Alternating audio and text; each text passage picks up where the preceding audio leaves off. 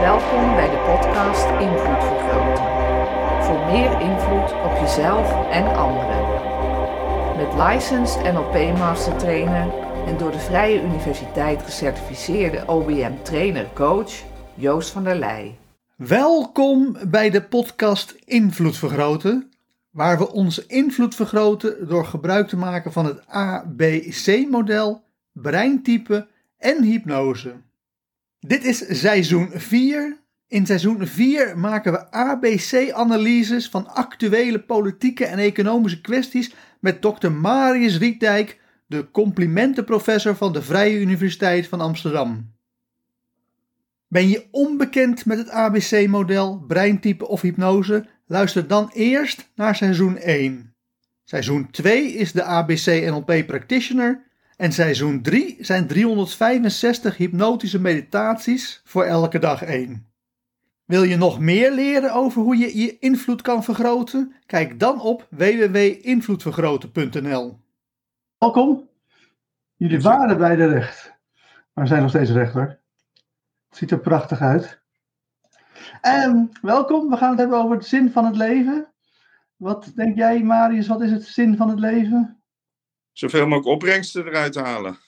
Oké, Dat denk ik. En eh, dat kun je doen natuurlijk het beste door eh, ook zoveel mogelijk aan anderen eh, te geven. mhm, Waardoor ze ook graag met jou willen samenwerken. En dat, dan geven ze jou ook veel. duidelijk. Eh, dus dat klinkt alsof eh, het eh, klaar is. Opgelost. Ja, dat denk ik ook. Maar, Alleen is de vraag natuurlijk, ja, hoe haal je het meeste eruit? Ja, En hoe breng je dus jezelf ontwikkelen. ehm, en ook, ja, ja, alle kennis die je opdoet in het leven, die, die helpt daarbij. ja, Het is belangrijk om dat te blijven opdoen, die kennis en die ervaringen. duidelijk. Maar ik ga eerst een filosofische vraag eh, stellen. Eh, heeft het leven überhaupt zin? Ehm, is, is nou- het universum betekenisloos? veel mensen denken dat je ook nog opbrengsten na het leven krijgt, eh in Ja. het hiernamaals. En ja, als, als je dat loslaat, dan kan het voor veel mensen betekenisloos zijn, het leven. Ja, Maar je, als je toch eh, goed je best doet en niet al te veel tijd met, eh, met religieuze eh, ja, eh, rituelen bezig bent, maar echt gewoon leeft, mhm, dan denk ik dat je een gevoel hebt dat je eh, dat leven zin heeft. ja. Nee, daar gaan we ook wel heen dat je wel degelijk een gevoel kan krijgen dat het leven zin heeft. Maar of het leven ook echt zin heeft, ja, dat kunnen we nooit bewijzen. Eh, maar ik acht het zeer waarschijnlijk dat het leven geen zin heeft. Om de eenvoudige reden dat het universum zelfs eindig is. Eh, natuurkundigen hebben bedacht dat eh, dit universum nog zo'n 30 à 40 miljard jaar meegaat. Hangt een beetje af waar je zit in het universum, maar dan ontstaat er een soort vuurstorm die alles, eh, alle materie opeet. En die, gaat, die, beweegt op de snelheid van het licht. Dus als dan toevallig dat begint aan de andere kant van het universum, dan hebben we nog 10 miljard jaar extra. Ehm, maar ja, als het universum zelf helemaal verdwijnt, ja, hoe kan het dan betekenis hebben? Ja, betekenis en zin betekent dan misschien eh, een doel hebben. Eh, nou ja, ja, dat het op een of andere manier eh, nut heeft. Dat je, wat is het, dat het, dat, je iets, dat je iets bijdraagt aan iets wat blijft. Dat je niet een, nou ja, een, hoe noemen we het, een uitdovende lucifer bent geweest. Die eventjes kortstondig in het universum gebrand heeft. En daarna weggegooid wordt. dus ja, ik denk. Ja, ik denk ook dat veel mensen toch dan eh, hopen dat het eh, leven een doel heeft. Dat we dus voor iets eh, leven. En ja, wat dat betreft denk ik dat wel we onze genen ons hebben geïnstrueerd om, eh, ehm, om ons voor te planten. Ja. Al dan niet fysiek, eh, via, via nageslacht of via goede ideeën.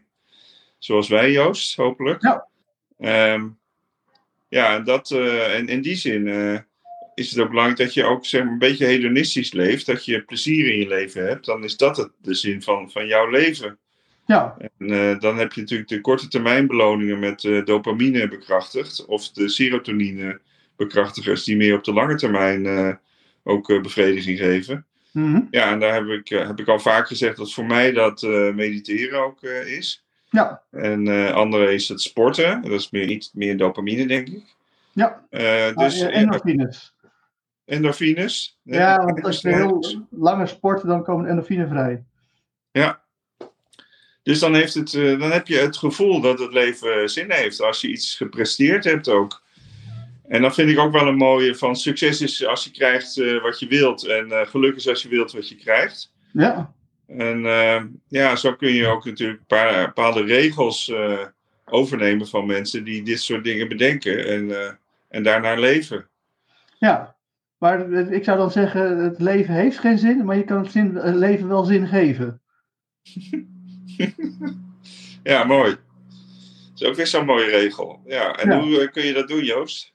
Nou ja, inderdaad, door jezelf de doelen te stellen. Hè? Dus, dat, dus ik denk dat het leven zinloos is, in de zin dat er geen, eh, geen goden zijn, geen hiernamaals, geen, eh, niet opgaan in een groter geheel, dat we niet reïncarneren of dat er ook geen door God gegeven taak is.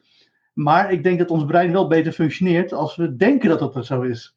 Dat als we ons zo voelen en als we dat ook daadwerkelijk aan onszelf geven. Dus ik zeg, het leven heeft geen zin, maar dat, eh, ja, we kunnen het leven wel zin geven. Ja, En- en eh, bijvoorbeeld ook het eh, opgaan in een groter geheel is dus ook bijvoorbeeld een eh, voetbalwedstrijd van je eigen clubje eh, bijwonen. Bijvoorbeeld, ja.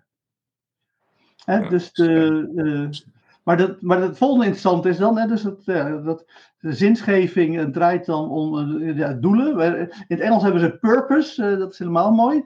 We hebben al een keer een eerdere stream gedaan over purpose. En, en het blijkt dat als mensen het gevoel hebben dat ze purpose hebben, dat, is, dat heeft iets te maken met het doel, maar het gaat iets verder. Het is een heel moeilijk te vertalen woord in het eh, Nederlands. En dan eh, blijken ze ook langer te leven, gelukkiger te zijn, gezonder te blijven. Eh, Dus ons brein is wel heel erg ingesteld als zijnde, het is heel erg handig om nou ja, je leven zin te geven. Ja, en dan daar ligt denk ik ook tegenaan plannen, dat je wat plannen maakt. Ja. De prefrontale cortex eh, kom ik vaak tegen als eh, belangrijk hersendeel wat meer eh, naar de ja, meer planmatig te werk gaat.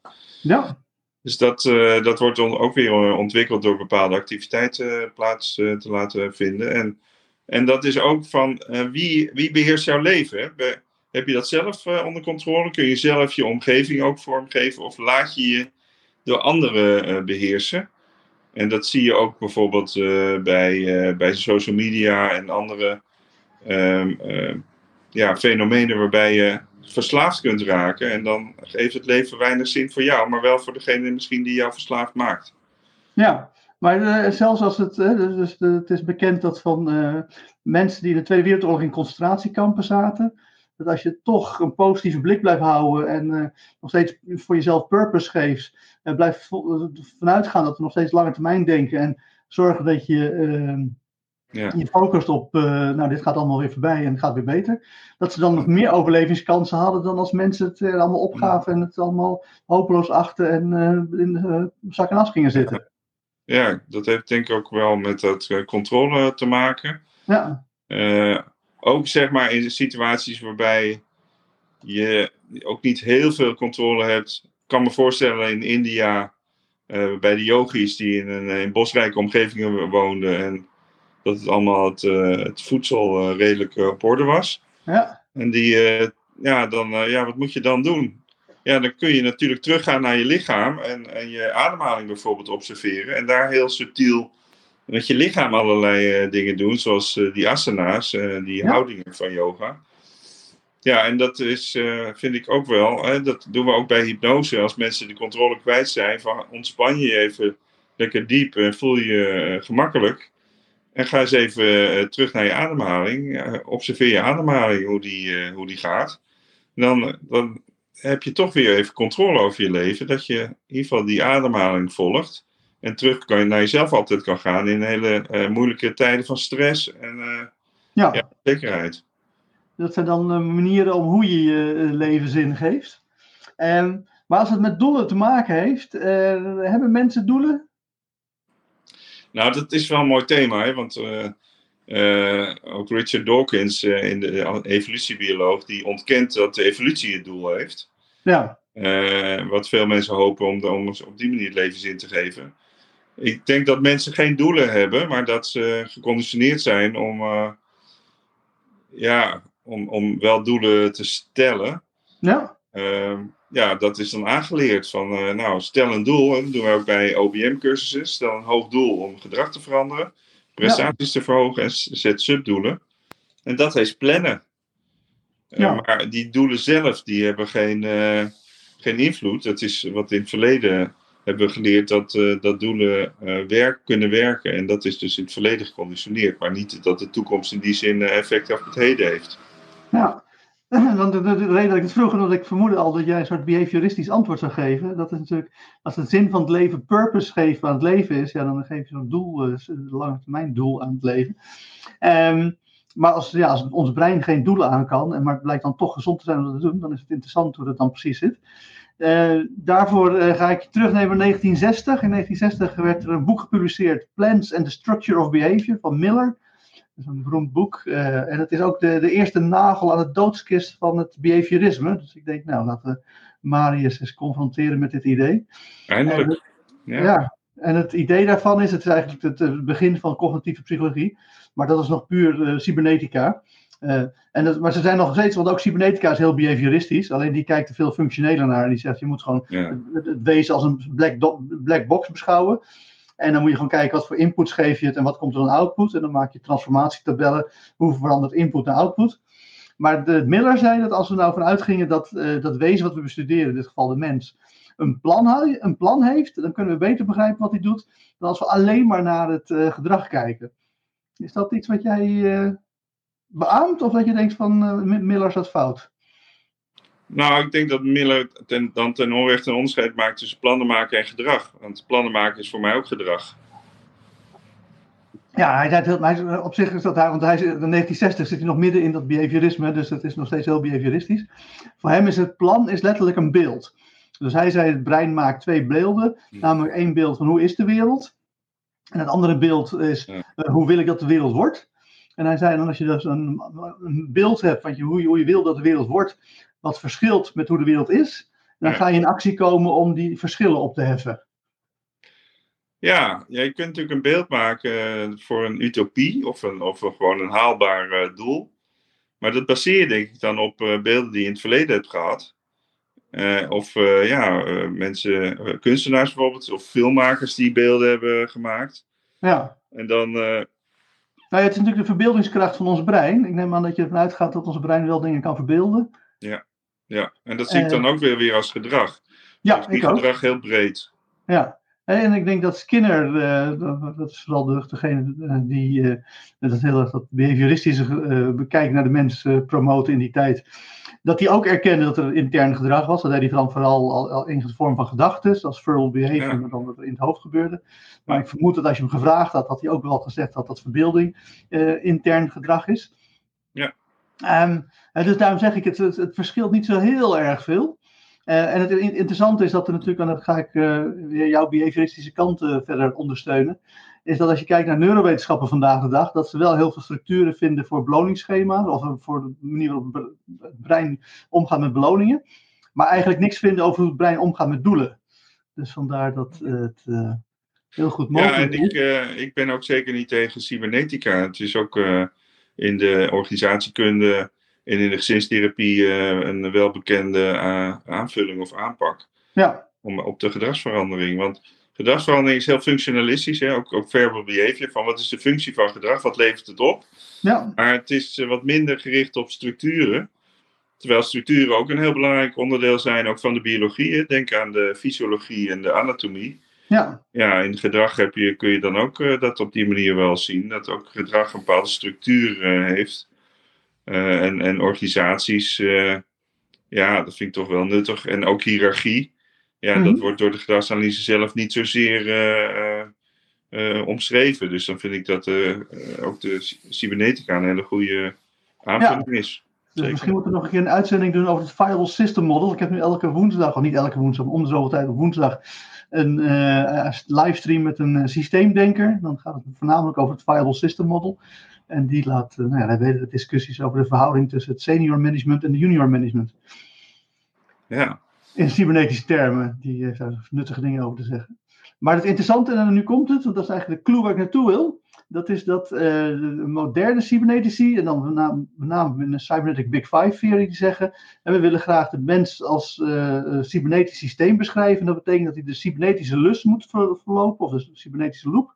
Dat wil zeggen een doel stellen, een actie doen om het doel te bereiken, checken of je het doel wel of niet bereikt hebt. En als je het niet bereikt hebt, door middel van feedback je gedrag aanpassen om te kijken of je het doel alsnog kan bereiken. Plan, do, check, act uh, cyclus. Uh, ja, het is, het is, er komen allemaal over. Het is, heel veel dingen kun je cybernetisch beschrijven. Maar het, uh, heel officieel gezegd is stap 1 is activeren een doel. Stap 2 is selecteren een actie. Dus stap 3 is interpreteren het resultaat van de actie. Wat eigenlijk gewoon meten. Maar omdat meten wat, uh, wat hogere eisen heeft, is ja, je kan ook gewoon kijken en een beetje gokken. En dan vervolgens vergelijk je je interpretatie van je actie, of van het resultaat van de actie met het doel. En als er dan verschillen zijn, dan ga je terug. En dan heb je eigenlijk drie feedback loops. Uh, er is nog tijd. Dan ga je terug naar stap 2 om een nieuwe actie te uh, doen om te kijken of je het alsnog kan bereiken. Uh, als, je geen, als je geen tijd meer hebt, dan moet je gaan escaleren. Denken, oh, en er is natuurlijk nog de derde, is dat je je doel gehaald hebt. En dan ga je terug naar stap 1 en dan activeer je een nieuw doel. Wat ook hetzelfde doel kan zijn, maar dan als je een lopende bandwerk doet, dan krijg je na de eerste auto, mag je weer een volgende auto in elkaar sleutelen. En jij voelt ook wel dat jij zo te werk gaat, Joost, op die manier in je leven?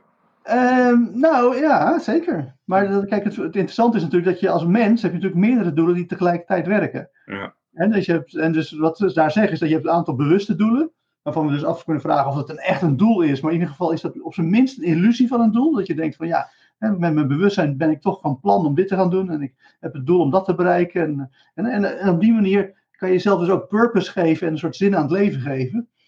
En daarna heb je nog onbewuste doelen. Uh, voor een groot deel zijn de dingen aangeleerd uh, door middel van uh, operant conditioneren. Oh.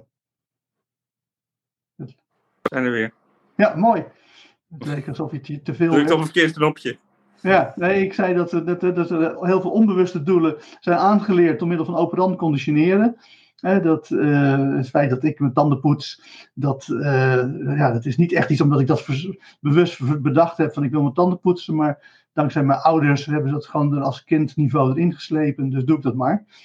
Um, en daarna, maar het interessantste is dan de derde categorie, zijn bewuste en onbewuste doelen. En de derde categorie is, die vind ik het leukst, dat is zelfs als het organisme geen doel heeft, maar wij van buiten het, het organisme qua gedrag beter kunnen begrijpen door er een doel aan toe te schrijven, dan mag je ook gewoon het uh, als een cybernetisch systeem beschrijven. En wat vind jij van dat idee? Dat je dus ook uh, doelmatigheid ergens in kan lezen, ook al zit het er niet in? Nou, ik vertaal zoals net uh, dat ik dat inbeelde als gedrag zie, zie ik ook heel veel dingen als ja. beloning. En, en ik zie dat eigenlijk dan dat het toch iets te ingewikkeld wordt gemaakt. En anderen vinden misschien dat ik het dan te simpel maak door die doelen als beloningen te zien. Van we streven doelen na. Nou ja, je kunt ook zeggen we streven ja. beloningen na. En die zijn in het verleden geconditioneerd. Dat je hebt geleerd dat geld verdienen of, uh, of eten, dat dat uh, uh, overlevingswaarde of groeiwaarde ja. heeft. Nee, nou, het interessante is ook als je gaat kijken naar wat voor criteria zijn er voor doelen, dat die heel veel overeenkomen met dezelfde criteria voor extern gedrag van organizational behavior management. Oké, okay, gedrag. Dus niet, als be niet beloningen, maar uh, ja, nee, nee. doelen dat die gedrag zijn. Dus, dus je, kijk, er zit absoluut ook een link tussen, uh, tussen uh, beloning en doel. Want waarom wil je een bepaald doel bereiken? Ja, soms, soms omdat, omdat het doel ook de beloning is. Hè? Als iemand zegt, wat is jouw doel? Nou, in mijn leven, ik wil miljonair worden. Dan is de beloning is het doel. Ja. En, en, soms is het zo dat mensen zeggen, van, ik wil een hele belangrijke filosoof worden. Ja, waarom dan? Ja, omdat ik als belangrijke filosoof... Ben je toch al? Zeker, nou, ik, ik wil een wereldwijde erkenning voor mijn briljante filosofie. Ah, ja. uh, maar waarom wil ik dat? Ja, er zitten allerlei uh, voordelen aan natuurlijk als je dat uh, wereldwijd erkend bent als belangrijk filosoof. Ja, dus dat is een geconditioneerde beloning die allerlei ja. andere beloningen oproept. Precies. Ja. dus soms zijn, de, zijn doelen niet rechtstreeks een beloning, maar er zijn er altijd wel beloningen te vinden. Dus in die zin is het veel waarschijnlijker om te zeggen dat mensen vooral achter beloningen aanrennen. Ja.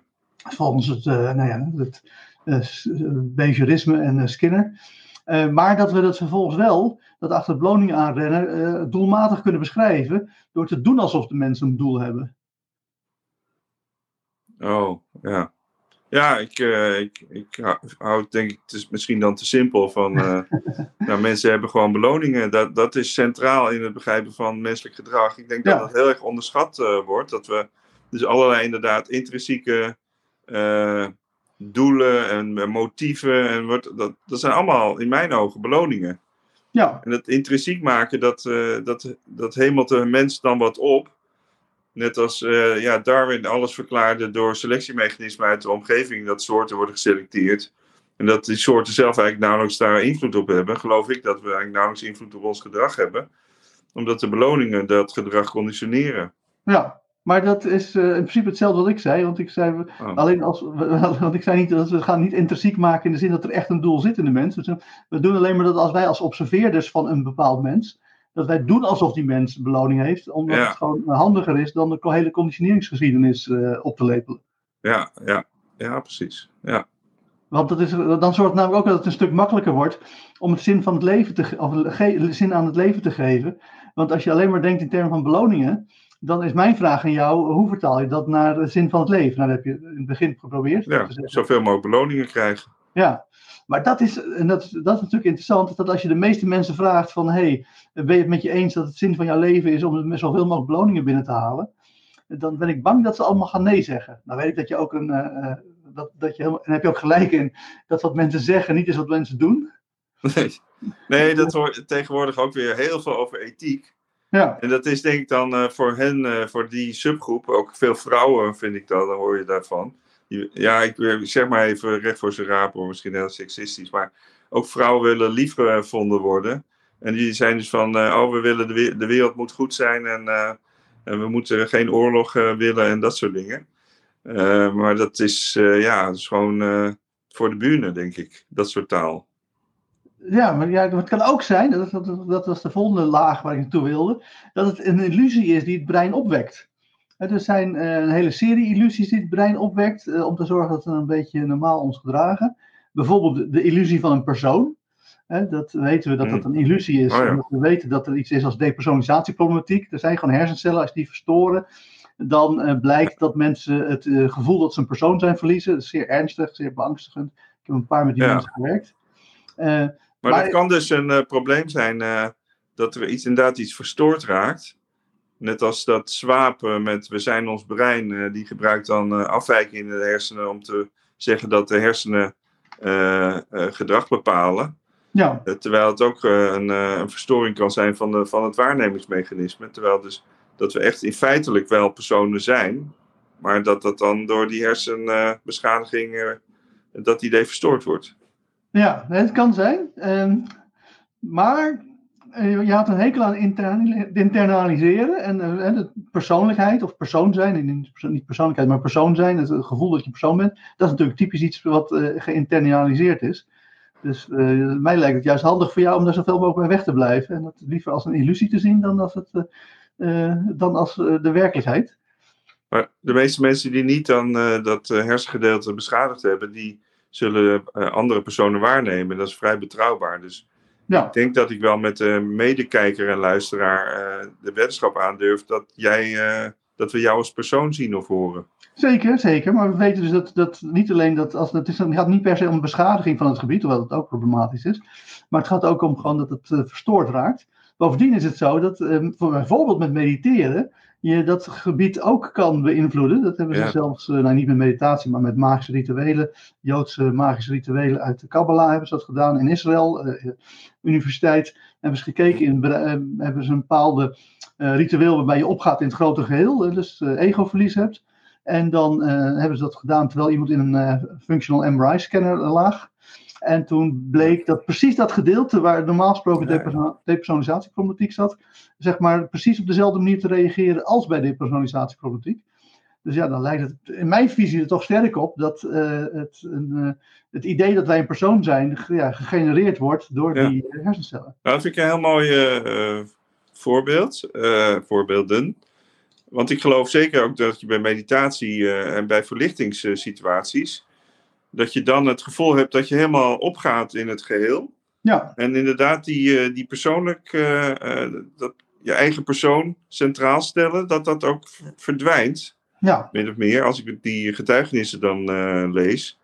En dat je dan inderdaad het, het, alles begrijpt en alles, ja, dat het allemaal in één valt. En dat die. Verschillende persoonlijkheden, zeg maar, dat dat dan verdwijnt, dat onderscheid. Ja, ik ga in juni weer zes dagen NLP Magic opleiding doen voor Master Practitioners. Dat heb je ook gedaan. En daar hebben we Ja. ook van die rituelen, doen we precies die rituelen die je voor egoverlies opleiden.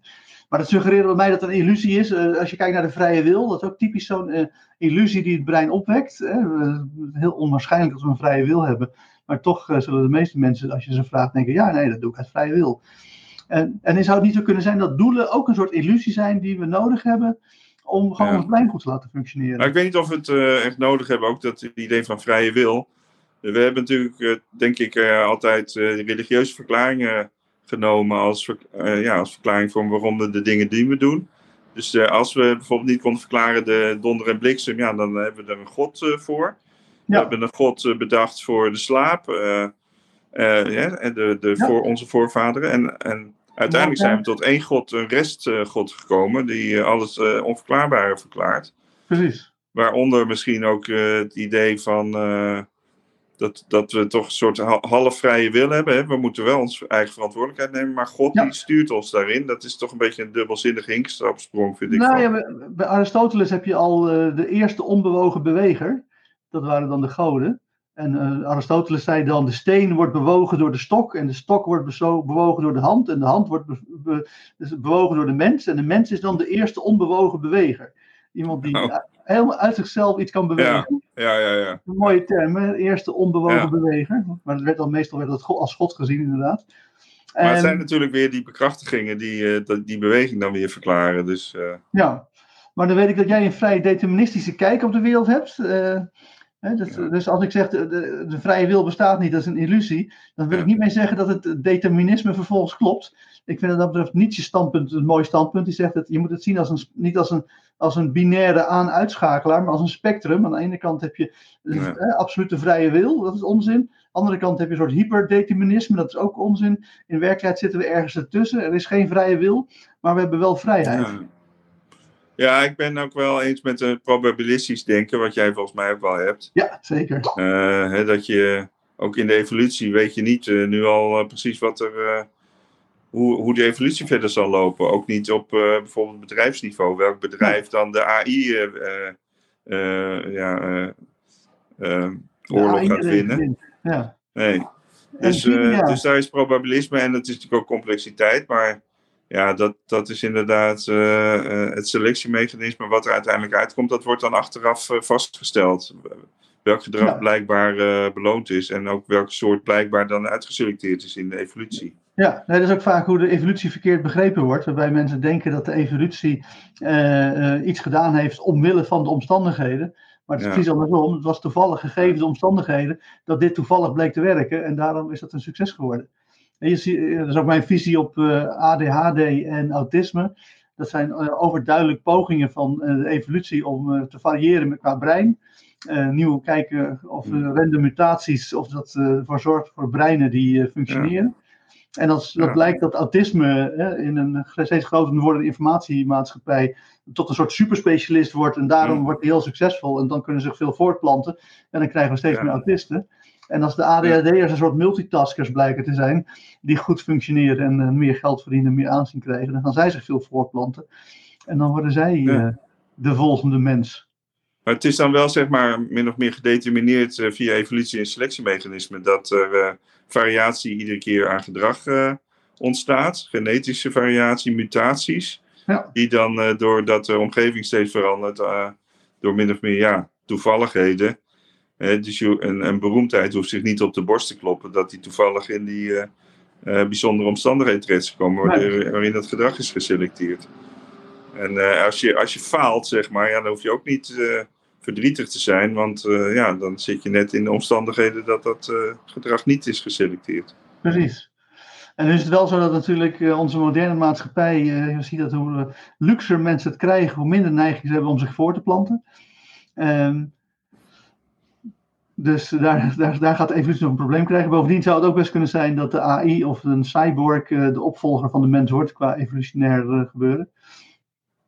Het hoeft niet ja, dat is fascinerend wat, hoe dat zal gaan. seksuele, ja, de, de voortplanting en als je het luxe krijgt, denk ik dat ook veel mensen juist meer, uh, mannen zeker, uh, meer seks willen. Vrouwen zijn denk ik selectiever daarin. Die zoeken dan de alpha-mail vooral uit. Als ze de kans krijgen tenminste. en de man als de jonge vruchtbare vrouw als ze de kans krijgen. En de meesten die, ja, die moeten compromissen sluiten natuurlijk. Ja, maar denk je niet dat de, de rijke, succesvolle man vandaag de dag juist zoiets heeft van aan mijn lijf geen kinderen? Ja, dat wordt wel ook in die literatuur van uh, Tomasi bijvoorbeeld. Uh, in de, um, ja, je hebt, uh, je hebt dus feminisme, maar je hebt ook een soort tegenstroming. Ja. Door, die zegt, ja, dat, dat is wel heel fascinerend vind ik hoor. Hoe dan, dus hij ziet als probleem met feminisme dat feministen zeggen dat mannen en vrouwen gelijk zijn. Maar dat de, de meeste vrouwen, ook feministen, toch mannen willen die net iets uh, sterker, uh, rijker enzovoort uh, dan zij zelf zijn. En dat is natuurlijk wel een inconsistentie dan in het feminisme, als dat een onderdeel daarvan is. Dus, maar ik weet niet waar mijn betoog nu naartoe gaat. Welk nee, doel het heeft. Maar dat, nou ja, dat, dat dus evolutionair gezien dat het allemaal voorheen goed liep, maar dat het nu misschien is dat de minder succesvolle mensen zich vooral voortplanten omdat succesvolle mensen iets hebben. Eh, ik ben egoïstisch genoeg om te snappen dat uh, kinderen me tijd en geld kosten. Ja. En daar begin ik niet aan. Dus die, uh, die moeten opletten op vrouwen die hun zaad willen afpakken. Ja. Verleiden tot, tot kinderen. Maar die, ja, die druk wordt steeds groter naarmate wij, en jij vooral natuurlijk, steeds, steeds beroemder wordt, ook wereldwijd. Ik heb er nog vooralsnog geen last van. Gelukkig, heb je massa bij. Ja, maar dat, terugkomend naar de zin van het leven. Um, dus mijn idee is, je moet jezelf, het leven heeft geen zin, maar je kan het wel zin geven. Maar dan, ja, dan, dan, dan maak je als het ware gebruik van de illusies die ons brein opwekt. dat je een persoon bent en je een vrije wil hebt.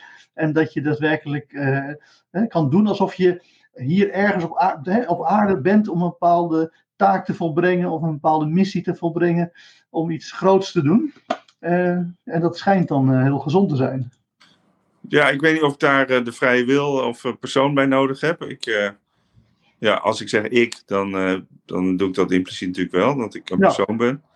Um, en, en dan zoek ik naar de, ja, wat mij het lekkerste gevoel geeft. Dus reinforcement qua beleidschap.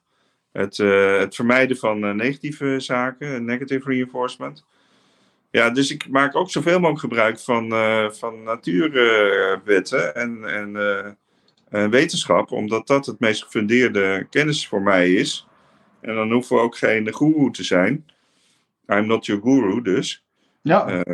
Ja, dat is een hele tricky hypnotische zin, omdat ons brein het woordje niet niet zo goed oppakt. Dus oh, ja. als Tony Robbins zegt, I am not your guru. Het is een beetje, ik ga nog een keer een hele livestream doen om de taalpatronen van Osho als, CQ Bachman te analyseren. Oh, die, heeft, die doet het nog veel beter dan uh, Tony Robbins. Tony Robbins doet het ook goed, maar die Osho die kan ook super goed kijken. Op die hele zachtaardige, uh, hele lieve ogen. En dan zegt hij, I am not the son of God. I am not Jesus resurrected and gone back to earth. maar je ziet gewoon dat het helemaal bewust doet om zijn eigen sectevolgelingen nog meer uh, aan zijn uh, woorden te, te binden. Uh, maar dat brengt me wel tot een interessant punt, want dat klinkt namelijk als je zegt ik ga voor goede gevoelens en voor reinforcers, dan weten we dat er vooral korte termijn reinforcers er zijn. Terwijl juist zin aan het leven geven, purpose, denken dat je een taak op aarde hebt, dat je ergens hier bent om iets te groots neer te zetten. Dat is allemaal heel erg lange termijn. Ja, ik heb, vorige keer zei ik ook dat ik weer een bedrijf heb ontdekt waar ik helemaal wild van ben. Ja. Uh, als beleggingsobject. En dat is heel veel dopamine, geeft me dat dan. Maar dat, ja, dat krijg je dan een beetje. Dat roept een soort manisch-depressief tijdscirkel op. Hè? Als je heel erg jezelf dopamine inspuit zelf van buiten, dan krijg je natuurlijk allerlei problemen van verslaving. Ja. Maar als je zelf dus een, een fantastische beloning vindt, dan, dan krijg je een beetje min of meer hetzelfde. Dus dan heb ik echt behoefte om niet alleen dopamine te hebben, maar ook serotonine. Dus ja. daar precies die lange termijn beloningen. En dan ga ik weer in meditatie. Ik heb vermoeden dat mensen met een type 9 brein daar meer de neiging toe hebben dan alle andere acht eh, breintypes. Want die hebben erg een soort energiecurve die uh, nou, soms een paar weken, soms een paar maanden is. Waarbij ze soms periodes hebben waar ze denken, ik kan de hele wereld aan. En dan weer periodes hebben waarvan ze denken, ja, het is allemaal te veel en ik moet zoveel doen en ik heb eigenlijk rust nodig en pff, laat maar. Dus, uh... maar dat heb jij meer, Joost? Of, Nee, dat zijn mensen met type 9 brein. Type, type 3 breinen die gaan alleen maar door. Dat zijn zeg maar de prototypische workaholics. En die gaan, uh, wat, de dood of de gladiolen. Uh, of ik heb succes of ik ga in de burn-out. Maar er is geen, hoe zeg je dat? Geen andere optie. Je hebt dan geen behoefte aan wat, aan, wat serotonine en wat lange termijn rust. Dat heb je helemaal niet. Nee, nee. Oké. Okay. Nou, nogmaals, ik weet dat het voor mij heel gezond is om te doen, dus ik doe het wel. Maar dat doe ik dan vooral in de vorm van filosoferen. Gewoon diep nadenken over ja. dingen ja, door taal uh, te gebruiken, te, te, lezen, maar zeker ook door te schrijven, wat jij ook heel veel doet. Ja. Kom je ook heel erg tot, uh, tot rust en overzicht. Ja. Het is de lange termijn zin van het leven die ik aan mijn eigen leven heb gegeven. In de wetenschap dat het leven geen zin heeft, is dat ik uh, mijn eigen gedachtegoed wil formuleren. Dan heb ik gelukkig met het publiceren van het neurogramhandboek en het ABC-NLP-handboek, is dat gedachtegoed voor een groot gedeelte geformuleerd. Toen ben ik ook in een soort zwart gat gevallen, dat dan weer wel. Want toen had ik opeens van, ja, wat, nu, wat moet ik nou doen? Mhm. Ehm, maar de laatste tijd ben ik weer heel erg bezig met, omdat we toevallig dan ingehuurd worden om uh, een systeem voor talentanalyse of talentmanagement voor bedrijven op te zetten. En dat doen we dan aan de hand van breintypes, omdat er dan een soort, nou ja, naast het aangeleerde gedrag, een heel klein beetje aangeboren gedrag is. Maar dat vaak heel relevant gedrag is, omdat het heel verbonden is met evolutionaire voordelen. En ik heb nu net bedacht dat eh, dan doen we het door middel van uh, nou ja, de, jouw verfoeide uh, enquêtes, hoor het, surveys. Maar dan, dan doen we het wel door, door zeg maar slimme dilemma's te verzinnen. Alleen die dilemma's die worden, af, wat het, die worden bepaald afhankelijk van wat je breintype is. We bepalen eerst het breintype en daarna gaan we dilemma's doen. Dus voor jou zou een dilemma zijn, ga je voor uh, een materialistische beloning? Of heb je meer zin om eens goed na te gaan denken over de oorzaken van alle problemen waar je mee zit? Allebei. Allebei is het antwoord. Ja, dat mag dan niet, hè? Nee, precies, dat is het dilemma. Dus je, je kan hem ook in het midden zetten. Hè? Dus, dus je hebt een oh. slider en die moet je dan zeg maar één van die twee kiezen. Maar als je het in het midden zet, is ook alleen dan, ja, dan zullen we zien dat je dan, ja. dan, dan, eindig je als middelmatig talentvol. Oh. Nou, het zijn allebei talenten van je en wij willen dan weten welk van die twee talenten het meest doen. Maar de grap is. Voor mijn bescheidenheid. Maar ja, ga door. Hè? Nee, het was goed voor mijn bescheidenheid om ook uh, middelmatig. Uh, ja, nee, dat kan. Maar de, uh, maar de grap is dat we het gaan presenteren in de vorm van een scenario in de oertijd. Zodat je je moet voorstellen van hoe, hoe, hoe had ik gereageerd in de oertijd. En dan wordt een soort. Oh. Nou ja, wordt, ja. blijf je in je grot zitten nadenken over de oorzaken van, dat, de, van jouw eh, manisch-depressieve reactiegedrag? Of, ga je, of ga je toch maar naar buiten rennen om een lekker stuk vlees voor vanavond te, te, te, veroveren? Ja, dat, zeggen, dat worden depressieve mensen ook aanbevolen door gedragstherapeuten om bijvoorbeeld te gaan hardlopen. Ja. Ze in ieder geval even naar buiten zijn, ook het licht krijgen. En, en ook ieder stapje is dan weer een, een, een super klein reinforcertje. Ja. Dat je toch weer zinnig bezig bent. Ik had zelf even een, eh, een terugvalletje toen, uh, toen ik las dat uh, de huidige artificial intelligence bots of robots 120.000 pagina's kunnen lezen in een halve seconde. Ja. Dacht ik, ja, ik vind ook lezen heel erg leuk, maar dat doel zal ik waarschijnlijk nog niet redden. Nee. Maar dan nog kun je natuurlijk voorleggen op, op collega, collega mensen en in die zin scoren. Maar dan, ja ja, we komen toch weer tot een hoger cultureel niveau wellicht, waarbij we andere reinforcers gaan nastreven, omdat de, de, de, artificial intelligence het andere reinforcers al voor ons regelt. Ja, de hoeveelheid tekst die ik schrijf in, in een paar minuten, nou is nu ongelooflijk. Heb, vandaag heb ik twee artikelen geschreven Eentje over Frank Farelli van provocatieve therapie. Heb ik zo'n persoonlijkheid beschreven met uh, 500, 600 woorden in twee minuten. En, en keurig netjes gestructureerd, allemaal, alles erop en aan, geen taalfouten. En de, nou ja, en nee, niet de zin. Oh ja, we hadden de vorige keer over de schuldencrisis gesproken, vorige week. Dus ik moest een 500 woorden verhaaltje over schuldencrisis schrijven. Dat heb ik twee keer gedaan. Eén keer voor de YouTube en één keer voor podcast. Dus dat is eigenlijk al 1600 woorden geschreven vandaag. In nou, minder dan 10 minuten. Met behulp van AI of zonder? Ja, nou ja alles door de AI gegenereerd. Mooi. Dat, ik, ik, schrijf heel snel, maar ik schrijf niet 1600 woorden per 10 minuten. Dat is echt onmogelijk. Maar dat, ja, vandaag wel. En dat is uh, werk wat ik normaal gesproken gewoon nooit zou doen. Hè. Dat is uh, YouTube-filmpjes. Nou, ik heb heel veel van de, de, streams die wij gedaan hebben staan op YouTube. En uh, daar moest ik, altijd, moet ik al een beschrijving bij doen. En deed ik altijd vijf zinnen, want ik had gewoon geen zin om dat heel erg uitgebreid te doen. Maar ik weet dat het voor de search engine optimization heel goed is als het wel heel uitgebreid beschreven wordt. Dus nou ja, nu kan dat gewoon. Dat is zo'n uh, geniaal iets. Ja, dus uh, bij digitalisatie krijg je demo, demonetisatie. Dus het wordt dan ook allemaal veel goedkoper. Ja. En ook democratisering, dat uh, bijna iedereen op een gegeven moment die teksten kan maken. Ja. En dan moeten we toch weer hoger op de, de behoeftepiramide. En dan is het toch weer zelfverwerkelijking. En uh, wat is dat dan? En dan kom ik weer bij mediteren uit. Dus ja, jullie zien allemaal wel dat ik een vrij rechtlijnig uh, figuur ben die alleen maar gedrag ziet, reinforcers en uh, meditatie. Nee, nee, ik, ben daar, ik ga er een hele grote deel met je mee. Alleen ik denk dat je, ondanks het feit dat je wel accepteert dat er wel iets aangeboren is, al was het maar een, een, een leermachine, dat je nog en, en dat, je, nou, dat, het, dat het hoeveelheid aangeboren gedrag ietsje meer is dan dat jij denkt. Eh, maar dat het aanzienlijk veel belangrijker is dan jij denkt. Eh, maar dan gaan we, we hebben nog decennia te gaan uh, voordat we daar allemaal uit zijn. Dus wel ondertussen een, een, vraag van Kai Kwik. Leuk je te zien, Kai Kwik, voor de eerste keer. Denken jullie dat AI veel impact gaat hebben op software engineers? heel erg veel, want AI's programmeren aanzienlijk beter dan software engineers. Ik heb zelf uh, in automatisering land rondgerend. Ik heb zelf voor Atari Corporation heb ik, uh, eh, 3D schietspelletjes voor Atari spelcomputers geprogrammeerd. In machinetaal. Uh, voor een RISC processor. Ik weet niet hoeveel je weet van software engineering. Maar laten we zeggen dat het heel erg naar la laagdrempelig. Oh, laagdrempelig. Heel hoogdrempelig. Maar heel low level gebeuren is. En daarna heb ik eigen automatiseringsclub gehad met 10 programmeurs. We hebben van alles en nog wat geprogrammeerd in de jaren 90. En uh, dat was altijd buggy, langzaam, ingewikkeld.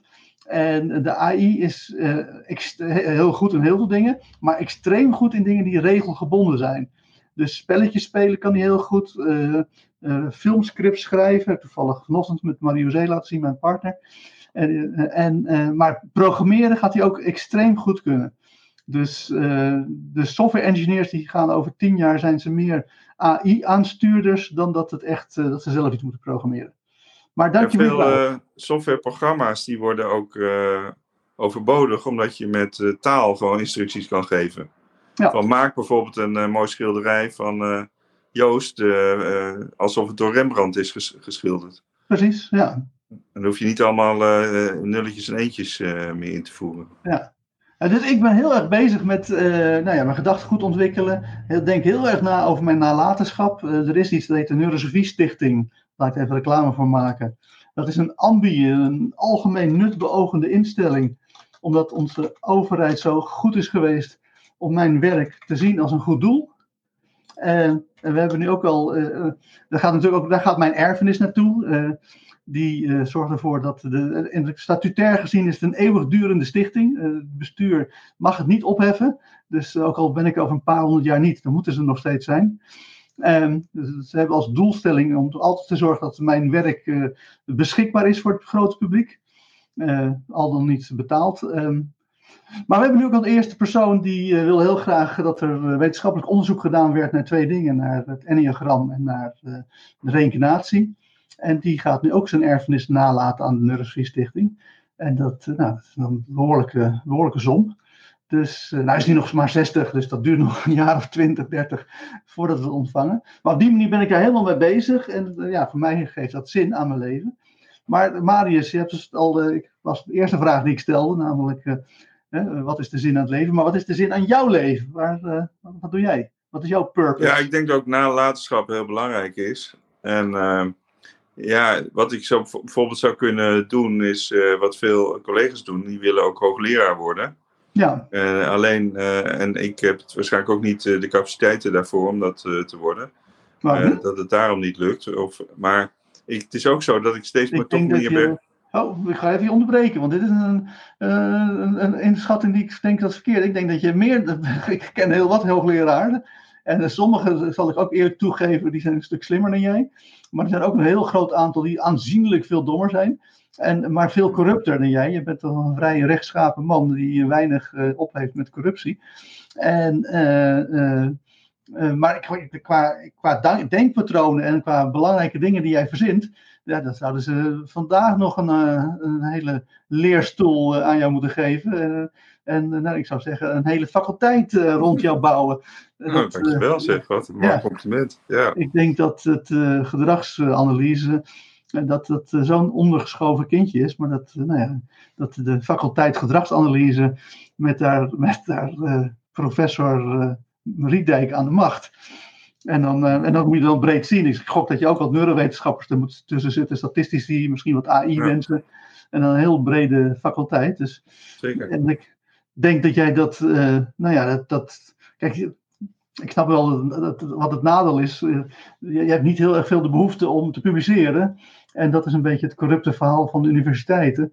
Dat uh, als je niet in de publicatiemolen meedraait, dat ze dan uh, vinden dat je niet professor mag zijn. Maar dat is ja. de fout van de universiteit. Dus, dus ik snap wel waarom, je, waarom dat voor jou een lastige carrièrekeuze is. Desalniettemin denk ik dat je het fantastisch zou doen. Dankjewel. Ja.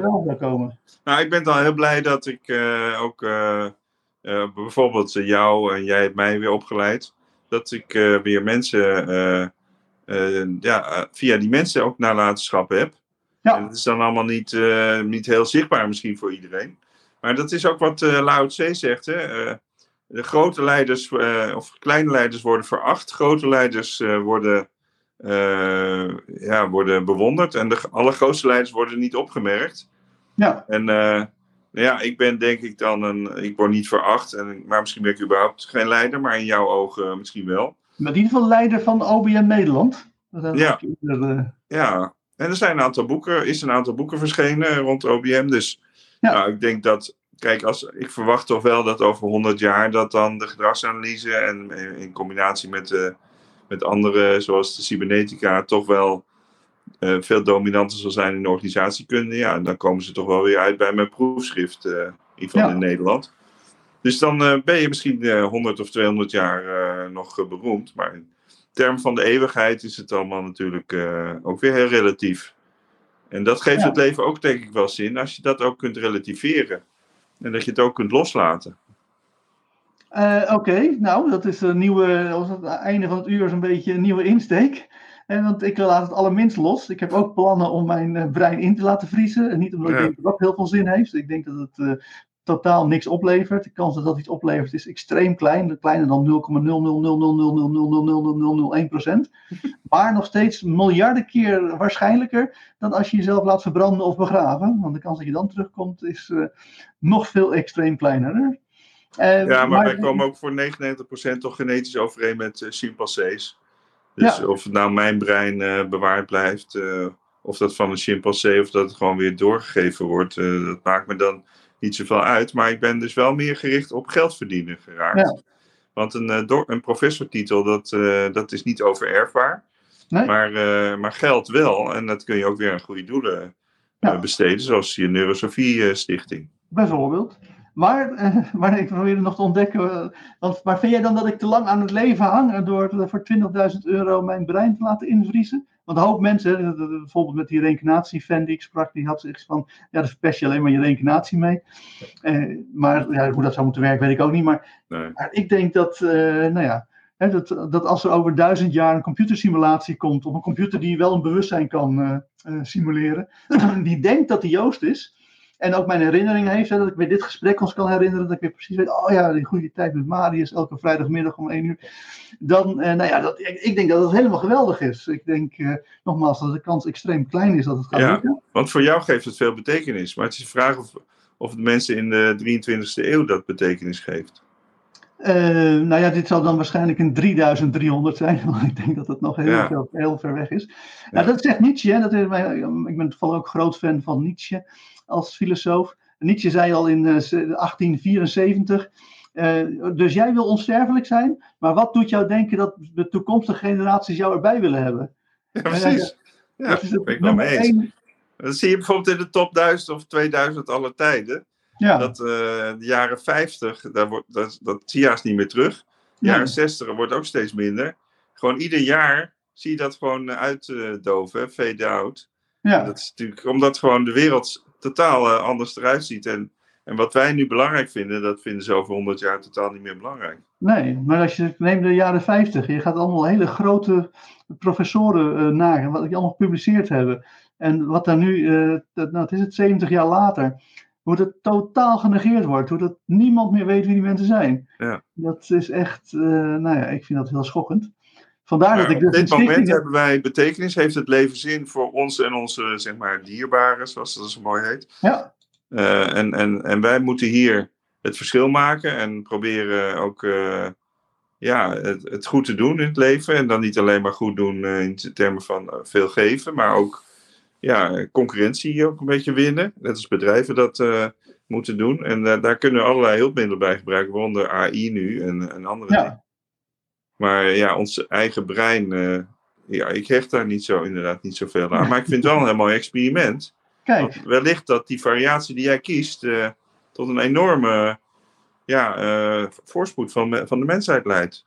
Zou kunnen, maar de kans is, blijft klein. Al was het maar omdat de mensen die je brein opslaan, die zeggen dan, nou dan gaan we er decennia goed voor zorgen. Ik denk, decennia? decennia. Je moet er millennia goed voor zorgen. dat is toch geen marketing? We gaan er decennia voor zorgen. Ik moet een plan hebben waarbij je zegt van, oké, dit is hoe we de komende vijf millennia doorkomen. Om te zorgen dat het uh, overeind blijft. Maar, maar kan, die, kan die opbrengst van de Neurosofie Stichting daar ook bij helpen om die, dat in stand houden door te betalen, ook millennia lang? Ja, the theoretisch wel. Maar uh, aangezien we niet een heel cryonics instituut willen beginnen, is het toch dan gewoon dat je daar in een of ander uh, keldertje bij een of ander vaag clubje terechtkomt. Uh, maar ze kunnen, wel, ze kunnen wel langskomen en dan één keer per jaar op Joostdag dan zwaaien naar mijn ingevroren brein.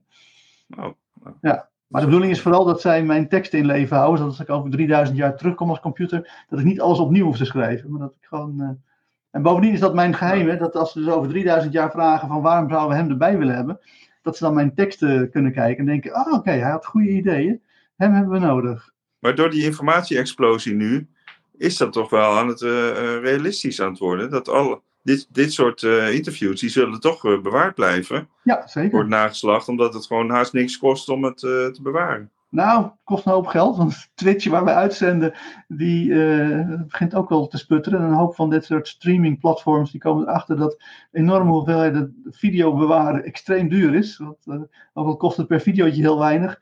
Het zijn er nou ja, miljoenen kids die dit soort videootjes elke dag maken. Dus het levert wel heel veel videomateriaal op, wat ook allemaal heel irrelevant is. Ja.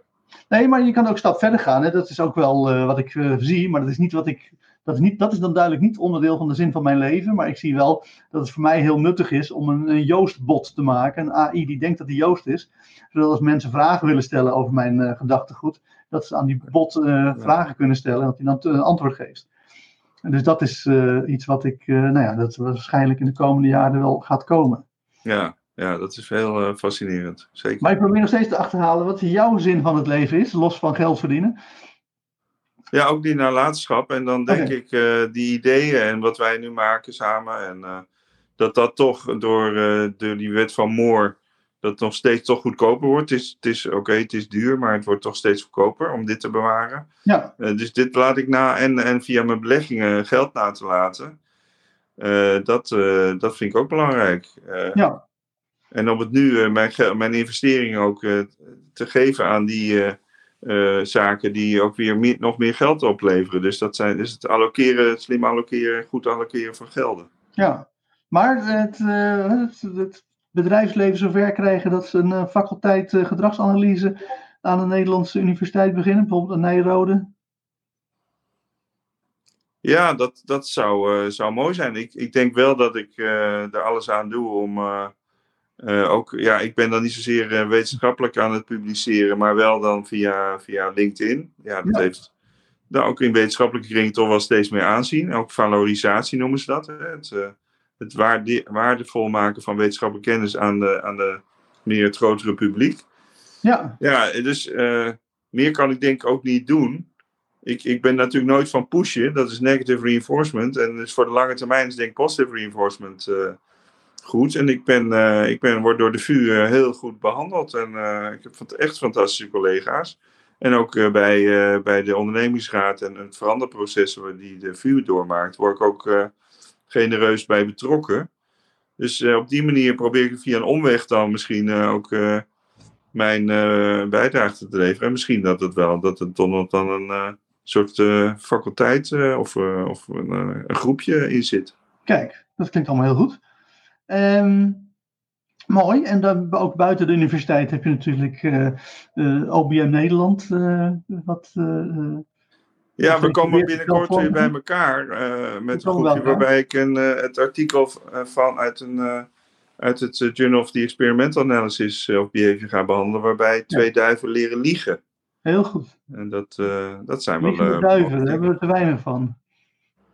Ja, dus uh, ook uh, liegen, dat wordt geconditioneerd. En dat uh, kun je ook met, met twee duiven doen. Heel mooi. Goed nieuws. Nou, dankjewel Marius. Ik ga heel even de agenda checken. Hoe we de... Volgende week kan je niet, hè? Oké, okay, jij weet al dat ik volgende week niet kan. Dat is goed nieuws. Maar weet ik het ook? Ik ga het even checken. Um, nee, ja, volgende week moet ik training geven. Dus we gaan 9 juni elkaar weer zien. Prima. Leuk. En dan uh, nou, kijk even aan wat voor uh, wereldellende er is. En als er geen wereldellende is, dan doen we weer een algemeen onderwerp als dit. Heel mooi. Marius, super dank voor jouw wijsheid. En uh, wij zien elkaar over twee weken. Oké, okay, tot okay. ziens. Dag.